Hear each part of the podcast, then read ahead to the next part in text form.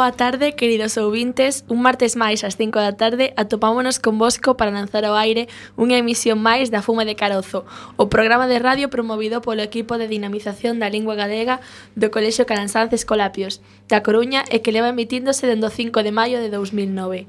Os alumnos do noso centro teñen neste programa un voceiro perfecto para expresar as súas inquedanzas en galego a través dos máis variados temas. Hoxe topámonos aquí para falarvos dun tema do que se fala moi pouco, pero que esperamos e desexamos que sexa máis habitual nos vendeiros tempos. Falaremos sobre a ciencia en Galicia. Sí, existe, aínda que algúns pensedes que non. Está claro que non somos unha potencia científica como outros países, pero iso pasa a case todas as nacións, xa que a produción científica está dende hai bastante tempo concentrada nos poucos países e centros de investigación, como universidades e grandes empresas. Pero ao longo da nosa historia xa tivemos persoeiros de certo peso que fixeron as súas achegas científicas nos máis diversos campos, como hoxe comprobaredes. Os seus nomes non son moi coñecidos, pero tamén é certo que moitas rúas das nosas cidades levan os nomes de algúns deles para honrar a súa figura ante o descoñecido descoñecemento case xeral da poboación común. Hoxe imos intentar que este descoñecemento non sexa tanto. E tampouco debemos esquecer algúns colectivos ou empresas que se formaron no pasado que melloraron o coñecemento científico de Galicia, como o Seminario de Estudos Galegos, a Misión Biolóxica de Galicia, a Granxa de Experimentación Agrícola del Viña ou Xeumabegondo, etcétera. Antes de comezar a debullar os contidos de hoxe, poñeremos algo de música, pero non debemos facelo sen antes presentarnos as persoas que hoxe vos imos acompañar. Eu son Araceli Mancebo Carril. Eu son Lucía Pedrosa Martínez. Eu María Fernández Quiñones. E eu Ursula López Vázquez. A música que nos acompaña hoxe será do disco Galicia de Maeloc, editado polo grupo Milladoiro no ano 1979, e que está considerado un dos discos máis importantes da historia da música galega. A primeira canción titúlase Danza de San Roque de Ío. Deixámosvos con ela.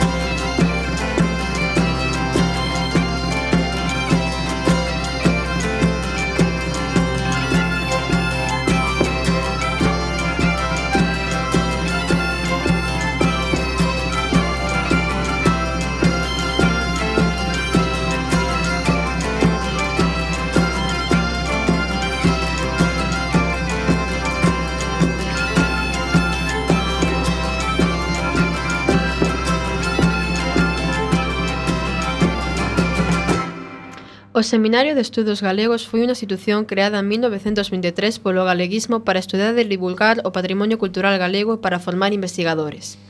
Antón Losada Dieguez tivo a idea de crear un órgano que tivese como función poñer en valor a cultura galega, unha función que a Universidade Galega da época, a de Santiago, non cumpría ao desenvolver programas académicos alleos á realidade, a historia e a cultura galegas. Fórmanse, pois, na Casa de Losada Dieguez en Pontevedra a xuntanza de estudos e investigacións históricas e arqueolóxicas. Paralelamente, como conta Luis Tobío en 1923, Wenceslao Requejo Buet proponlle a un grupo de estudantes de primeiro de Dereito formar un grupo cos que se interesasen por problemas de cultura, arte, literatura e historia principalmente, algo así como unha tertulia ou ateneo. Nese grupo, que primeiro collería a Filgueira Ramón Martínez López, Manuel Magariños, Luis Tobío Estenderíase despois a estudantes maiores, Fermín Bouzabrei, Romeo Cerdeiriña e aos profesores como Armando Cotarelo Valledor, de feito, foi Cotarelo quen lle deu o nome de Seminario de Estudos Galegos que foi como pasou a historia. Nunha xuntanza celebrada o 12 de outubro de 1923 en Ortoño, Ames, na casa onde vivirá Rosalía de Castro, onde participan estes nove estudantes recollendo a tradición da xuntanza de ampliación de estudos acordan a creación do seminario. Aos poucos días, o 23 de outubro, intégranse nel boa parte da intelectualidade galeguista, que se movía alrededor da revista Nós e asina a acta fundacional no domicilio de Armando Cotarelo Valledor. Porén, Lois Tobío sinala que Losada Díguez non se sumou ao seminario nese momento inicial, senón pouco despois, cando o grupo Nos, Castelao, Antón Villar Ponte, Manuel Lugris Freire, Leandro Carré Alvarellos ou Gonzalo López Avente.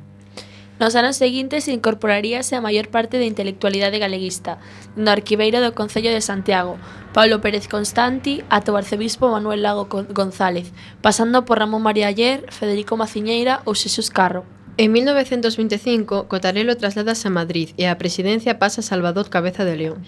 Comeza tamén a recibir axudas económicas e en 1927 empezan a publicar os arquivos do Seminario de Estudos Galegos, que editará Ansel Casal e que recopilará as publicacións da institución.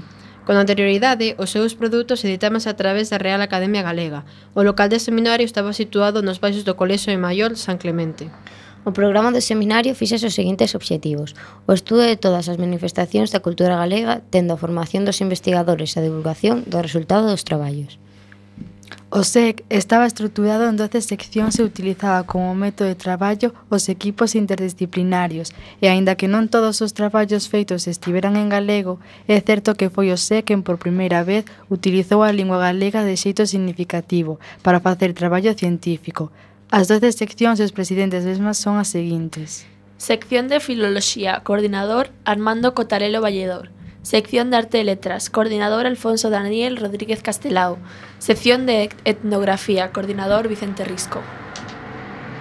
Sección de Historia, coordinador Cabeza de León, presidente do seminario de 1925 a 1934. Sección de Prehistoria, coordinador Florentino López Cuevillas. Sección de Xeografía, coordinador Otero Pedrallo. Sección de Historia da Arte, coordinador Xesús Carro. Sección de Historia da Literatura, coordinador Xosé Filgueira Valverde. Sección de Pedagogía, coordinador Díaz Frodas. Sección de Ciencias Aplicadas, coordinador Manuel Gómez Román. Sección de Ciencias Naturais, coordinador Luis Iglesias. Sección de Ciencias Sociais, Xurídicas e Económicas, coordinador Lois Tobío. En 1936, o SEC tras 13 anos de actividade, foi desmantelado polo novo réxime surdido do 18 de xullo. En 1944, co patrimonio do Seminario de Estudos Galegos, creouse o Instituto de Estudios Galegos. Padre Sarmiento depende do Centro Superior de Investigacións Científicas. Despois de coñecer unha importante institución que levou a cabo unha esencial labor nos poucos anos do século XX nos que lle permitiron existir, imos escutar a segunda peza musical, neste caso a canción A Brusa, do grupo Villadoiro.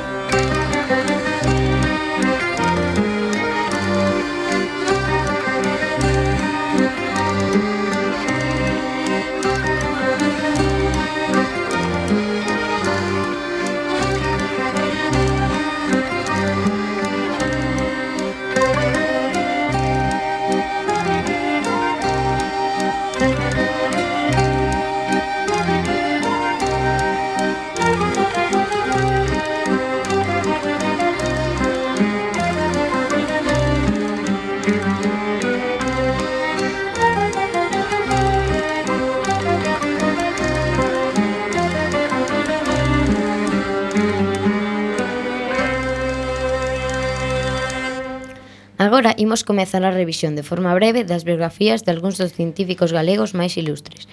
E como hai que comezar por algún e o noso é un colexio de titularidade relixiosa, se cadra non era mala idea comezar falando do insigne Ramón María Ayer. Ramón María Ayer Ulloa naceu o 3 de febreiro de 1878 no Pazo de Filgueiroa en Don Ramiro, Lalín, provincia de Pontevedra onde tamén morre o 28 de marzo de 1966, aos 68 anos de idade. Foi un sacerdote católico, matemático e astrónomo galego. Foi catedrático da Universidade de Santiago de Compostela. Realizou varios estudos e observacións astronómicas relevantes, desenvolvendo instrumentos que foron adoptados por outros centros como o Observatorio de París. Era políglota e chegou a dominar dez idiomas. Comezou a estudiar cos jesuítas na Guarda e continuou os estudos no Seminario de Lugo.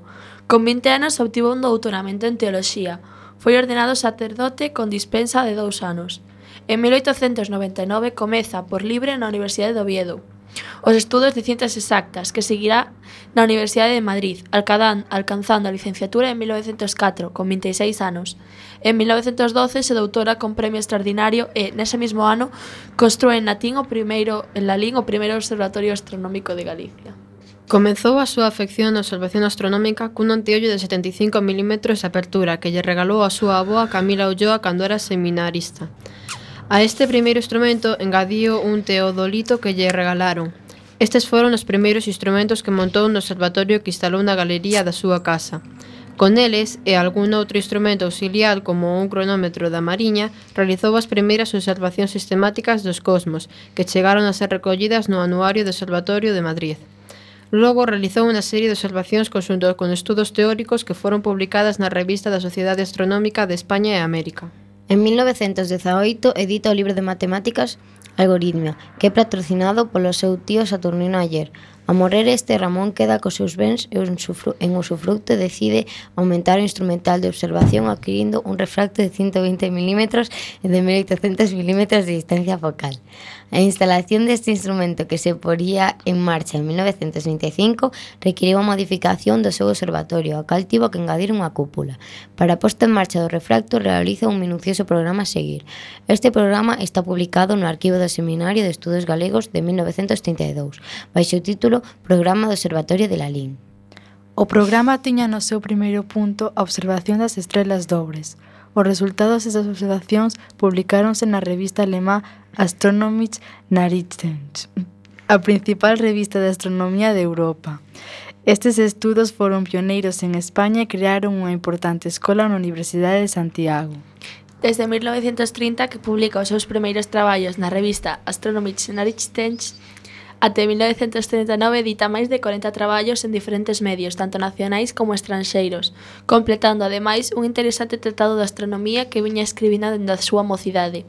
Completaba estes traballos de observación relevantes e extraordinarios se se teñen en conta os escasos medios coa confección de planos e a docencia e mesmo a biografía de Xosé Rodríguez González, o matemático de, Ber de Bermés, outro importante científico galego nacido en Lalín. En 1939 encárgase de explicar eh, xeometría analítica e análise matemática da Universidade de Santiago de Compostela. En 1943 constitúe un observatorio da Universidade de Santiago, onde trasladan os instrumentos de Lalín e en 1944 crease na Cátedra de Astronomía para el. O observatorio leva agora o seu nome na súa honra. O 30 de xuño de 1943 presenta a súa tese doutoral na Universidade de Madrid, co tema algunhas experiencias que convén realizar nas observacións de pasos por verticais. E ese mesmo ano é nomeado director do Observatorio Astronómico e edita Introducción á Astronomía, obra que viña preparando dende a súa mocidade. Se amplía o observatorio cun telescopio de pasos que achega ao Consello Superior de Investigacións Científicas. En 1945 crea a sección de Astronomía Teórica e Matemáticas Durán Loriga, Xerme do que logo sería a Facultade de Matemáticas. Durante os anos 40 e 50, o observatorio atópase en pleno rendemento, publicándose eses traballos en publicacións do Observatorio de Santiago. Neste tempo é tamén cando se crea a Catedral de Astronomía que dirixe ayer, até 1949, ano no que é nomeado Catedrático Extraordinario de Astronomía. En 1948 é nomeado membro da Comisión 26 da Unión Astronómica Internacional de Zúrich e publica o libro Astronomía a Primeira Ollada. O ano seguinte, en 1949, é nomeado membro da Comisión Nacional de Astronomía. Entre 1960 e 1963 dirixe tres teses doutorais. Cae enfermo en 1964 e trasládase ao seu povo natal, onde morre o 28 de marzo de 1966, aos 78 anos de idade. A súa obra ocupa máis de 78 artigos publicados en diferentes medios, catro libros, cinco teses doutorais dirixidas por el, catro estrelas e catro estrelas eh, descubertas e numerosos planos e deseños de instrumentos de observación e medición, así como outros moitos materiais de diferentes temas.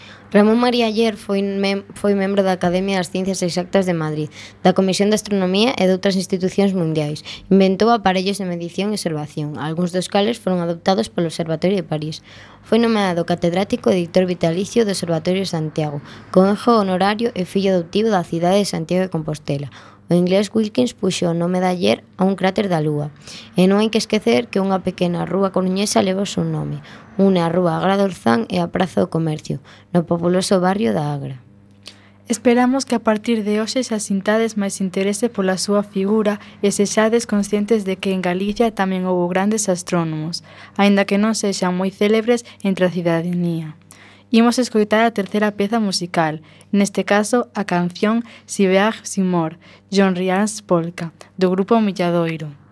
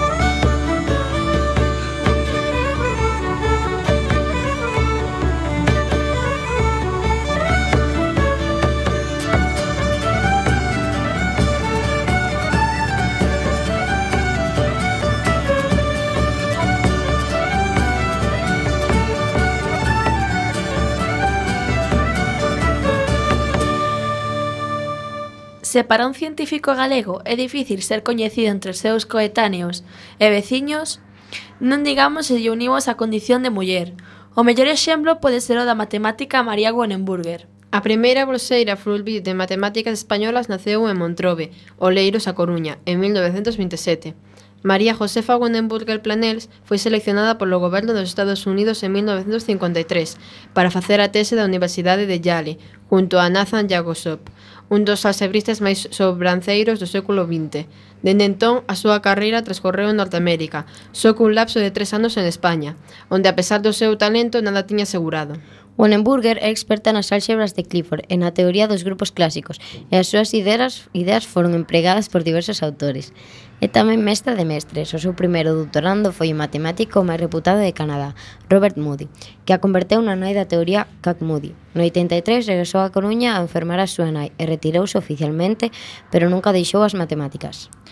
As matemáticas gustáronlle desde as primeiras contas que a súa nai lle pedía que resolvesen calquera compra, pero a súa familia culteallea a moitos a moitos clises da época quería que María Josefa Wonenburger fixese enseñaría para continuar con negocio que creara o seu avó paterno, neto dun alsaciano que no século XIX chegara a Santiago. O meu pai tiña unha fundición, aínda que estaba moi preparado, non puidera sacar o título porque quedara orfo con 16 anos, así que pensaba en min para continuar coa fábrica. Chegamos entón a un acordo. Primeiro estudiaría matemáticas e despois enseñaría, conta María. A segunda parte nunca se cumpriu. Pouco despois de licenciarse, o seu pai morreu, e para daquela se destacara como unha alumna da Facultade de Matemáticas da Universidade Central de Madrid, ata onde se despraza porque en Santiago aínda non existía a carreira. En Madrid, aquela rapaciña destacou de contado.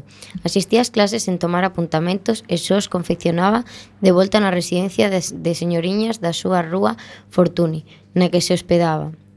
Para facelo empregaba a memoria e tamén algunhas anotacións dos compañeiros, que de paso corrixía para grado dos colegas, que recorrían a ela para clarexar dúbidas. O talento de María fixo que os profesores lle aconsellasen marchar ao estranxeiro para afondar nos seus estudos.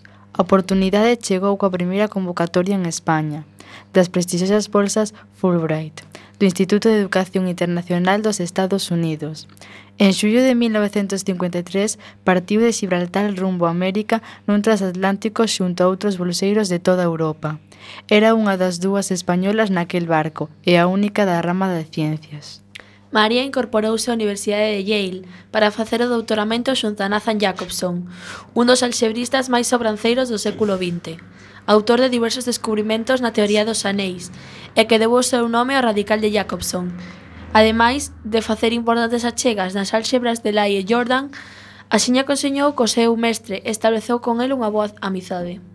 Tamén era veciño e a mí niso de estar falando inglés mirando para arriba non me gustaba, así que coas cousas marcharon moi ben.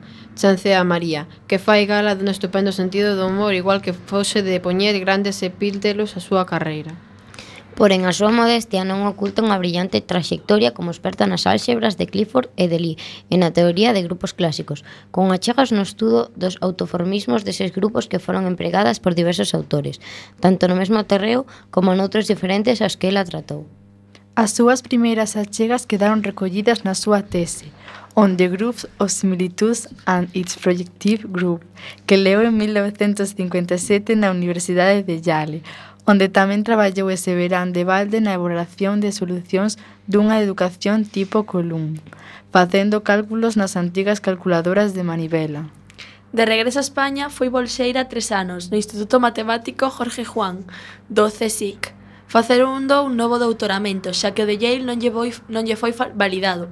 A súa segunda tese, Representación espinorial, dos grupos de semellanza foi probada e publicada, pero por motivos administrativos nunca obtivo o título español de doutora. Tanto deu, para daquela xa decidira marchar de novo para Norteamérica, desanimada polas perspectivas laborais na súa terra. Tiña ilusión de quedar en España, pero aquí o futuro era preparar oposicións durante dous anos e ver se con sorte saía algo. Había unha diferencia moi grande co que ofrecían alá, recorda. Entre mentres, Israel Halperin, alumno do mítico Von Neumann, contactara con Jacobson pedíndolle que lle recomendase alguén que pudese ayu ayudarlle coas investigacións sobre a álxebra do seu mestre. Jacobson pensou en Wannenburger e foi así como emprendeu camiño a Canadá, na Universidade de Kingston, en Ontario. Estivo dous anos como bolseira postdoctoral. Rematada esta etapa, pasou a ser a única profesora de matemáticas na Universidade de Toronto. Iso naquela época non era un punto ao seu favor, pero así é todo houbo un alumno que se empeñou en facer a tese con ela. Era Robert Moody, que xunto a María fixo unha serenerización das teorías das álxebras de Lie, simples a dimensión infinita. A súa repercusión foi tal que pasou a coñecerse como álxebra de Kac-Moody e outorgou a Gunnenburger o recoñecemento da nai desta teoría, moi aplicada na física. Sempre me levei moi ben cos alumnos. En América a relación entre estudantes e profesores é moito máis próxima. Non son dúas seitas distintas. Polas tardes tomábamos o café xuntos e charlábamos de matemáticas. Moody dicía que de min non lle gustaba que non me molestase cando preguntaba unha parvada, pero saber que unha cousa é unha parvada tamén require certo coñecemento. Foi moi bo alumno, sempre nos entendimos, e agora acabase de retirar. Eu xa teño moitos anos. Ri. En Canadá permaneceu seis anos, ata que decidiu marchar aos Estados Unidos para facilitar que a súa familia visitase. O primeiro ano estivo en Buffalo e en 1967 asentouse na Universidade de Indiana, onde desenvolveu boa parte das súas achegas, orientando de novo os primeiros pasos de outro grande das matemáticas, Stephen Berman. Daquela etapa garda moitos gratos recordos, que van ata 1983, cando regresou a Coruña pola enfermidade de súa nai. Con toda a miña afección polas matemáticas, miña nai era máis importante, recalca. Nos últimos tempos, a matemática está a ser recoñecida na súa terra a través de diversas homenaxes e, de feito, presta seu nome ao Premio da Unidade de Muller e Ciencia da Xunta de Galicia. Ela, pola súa parte, goza facendo di matemáticas casi infantís, con colaboracións coa Asociación Galega de Profesores de Matemáticas. Tristemente, María morreu en xuño de 2014. Esperamos coñecer a historia de María vos faga conscientes de que en Galicia tamén houbo e segue habendo grandes mulleres científicas, aínda que non sexan moi célebres entre a cidadanía. Imos escoitar a cuarta peza musical, neste caso a canción Rosalía do grupo Milladoiro.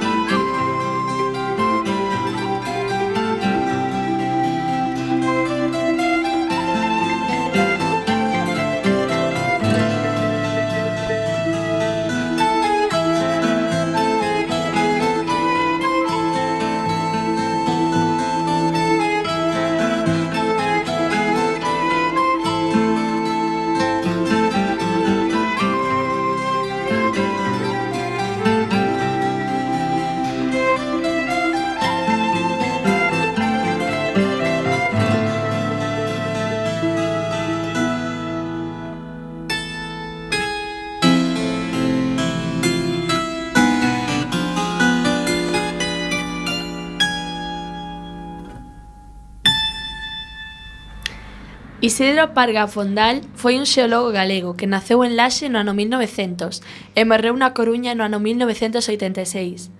Pola morte do pai, o titor foi o seu avó, Isidro Pordal Avente, irmán do poeta Eduardo Pondal, influindo na súa tempera vocación pola química. Estudou a carreira de Ciencias Químicas na Universidade de Madrid, obtendo a licenciatura en 1922 En 1923 obtivo unha praza de profesora auxiliar de Química Inorgánica e Analítica na Facultade de Ciencias da Universidade de Santiago de Compostela. Publicou os seus primeiros traballos sobre química na revista do Seminario de Estudos Galegos, do que era membro desde 1924. Realizou estudos de doutoramento en Zúrich, volvendo en 1933 a Santiago, coa creación do Laboratorio de Xeoquímica da Universidade de Santiago. Comezou as súas investigacións sobre xeoloxía de Galicia e forma os primeiros xeoquímicos españois. En 1934 termina a súa tese doutoral, obtendo cualificación de sobresaliente cum laude na Universidade de Madrid. Ao comezo da Guerra Civil e como consecuencia das súas ideas e da súa amizade con galeguistas como Castelao, foi purgado do seu posto de profesor, retirándose a Laxe, onde creou unha empresa mineira para a explotación do caolín, Caolines de Laje S.A., e outra empresa mineira denominada Titania S.A., dedicada á explotación dunha mina de titanio en Balarés, xunto cos lucenses e irmáns Fernández López. Esta empresa está dirixida por un enxeñeiro alemán, con economatos e salarios dignos por os traballadores. Ademais, a Seguridade Social le paga extra. Co diñeiro obtido destas e doutras empresas, Isidro Parga Pondal e os irmáns Fernández López trataron de fomentar de forma xenerosa a recuperación da cultura galega. En 1940 creou un moi importante laboratorio xeolóxico de Laxe, no que traballaría ata o seu retiro, en 1969. Tras a morte da súa muller e o seu fillo, abandona o laboratorio e cedello a Isaac Díaz Pardo, que o trasladou ao Castro, Sada. Colaborou coa Universidade de Leiden, Países Baixos, coas de Montpellier e Estrasburgo, Francia, Zurich, Suiza, Münster, Alemanha e Lisboa, Portugal. Nesta mesma época tamén traballou para a empresa Celtia, fundada polos irmáns Fernández López. Ante a queixa dun dos irmáns Fernández López da escaseza de cemento e da falta de calcáreas en Galicia, pra Palga indicoulle que Lóuzara Samos era o lugar onde se topaba estas calcáreas. Ese foi o comezo de Cementos do Noroeste S.A., creada en 1958 de cuxo Consello de Administración formou parte. A fábrica de cemento comezou a funcionar en 1962 en Oural, Sarria, actualmente pertencente á Corporación Noroeste. Recibiu diversas distincións, Premio de Ciencias da Deputación Provincial da Coruña, 1972. Premio de Investigación da Universidade de Santiago da Universidade de Menéndez de Pelayo, 1982. Medalla Castelao, doutoramento honoris causa pola Universidade de Santiago de Compostela, 1983. Presidente honorario da Academia de Ciencias de Galicia, membro numerario da Academia de Doutores de Madrid, correspondente da Real Academia de Ciencias Exactas, Físicas e Naturais, correspondente da Real Academia de doutores de España e correspondente da Real Academia de Ciencias e Artes de Barcelona. Entre outras publicacións dispersas destacan Mapa Xeolóxico de Galicia 1963, realizando despois os correspondentes provinciais, Mapa Xeolóxico da Península Ibérica 1970, fixo ademais dúas cartografías do macizo espérico peninsular 1962 e 1972. Ten unha rúa co seu nome na urbanización Bereogán, a carón do cemiterio de Feáns, e tamén o lembra un importante Instituto de Carballo.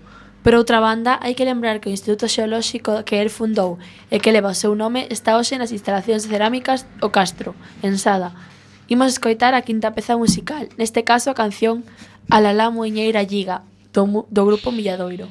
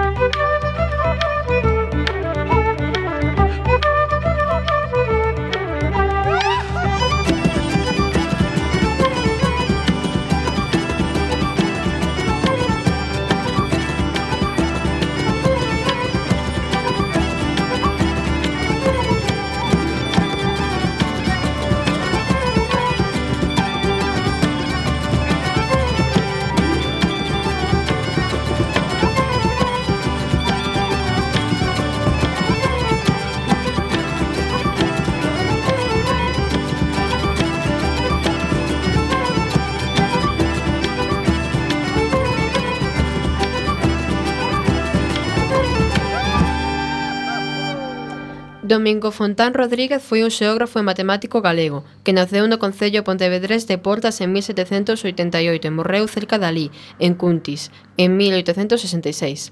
Foi un ilustrado galego, coñecido sobre todo por ser o autor do primeiro mapa topográfico e científico de Galicia, a Carta Xeométrica de Galicia.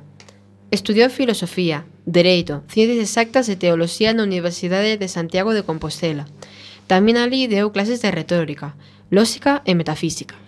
Fiel ás ideas de progreso e coñecemento que imperaban no século XIX, estudou todas as materias que lle caían nas mans e ensinou parte delas na Universidade de Santiago.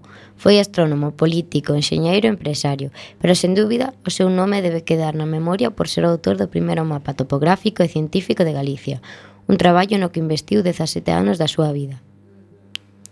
Durante a Guerra da Independencia española Domingo Fontán como moitos ilustrados púxose do lado dos liberais e dos defensores da Constitución de Cádiz de 1812 mais pola súa condición de mestre universitario non participou nos combates contra as tropas napoleónicas.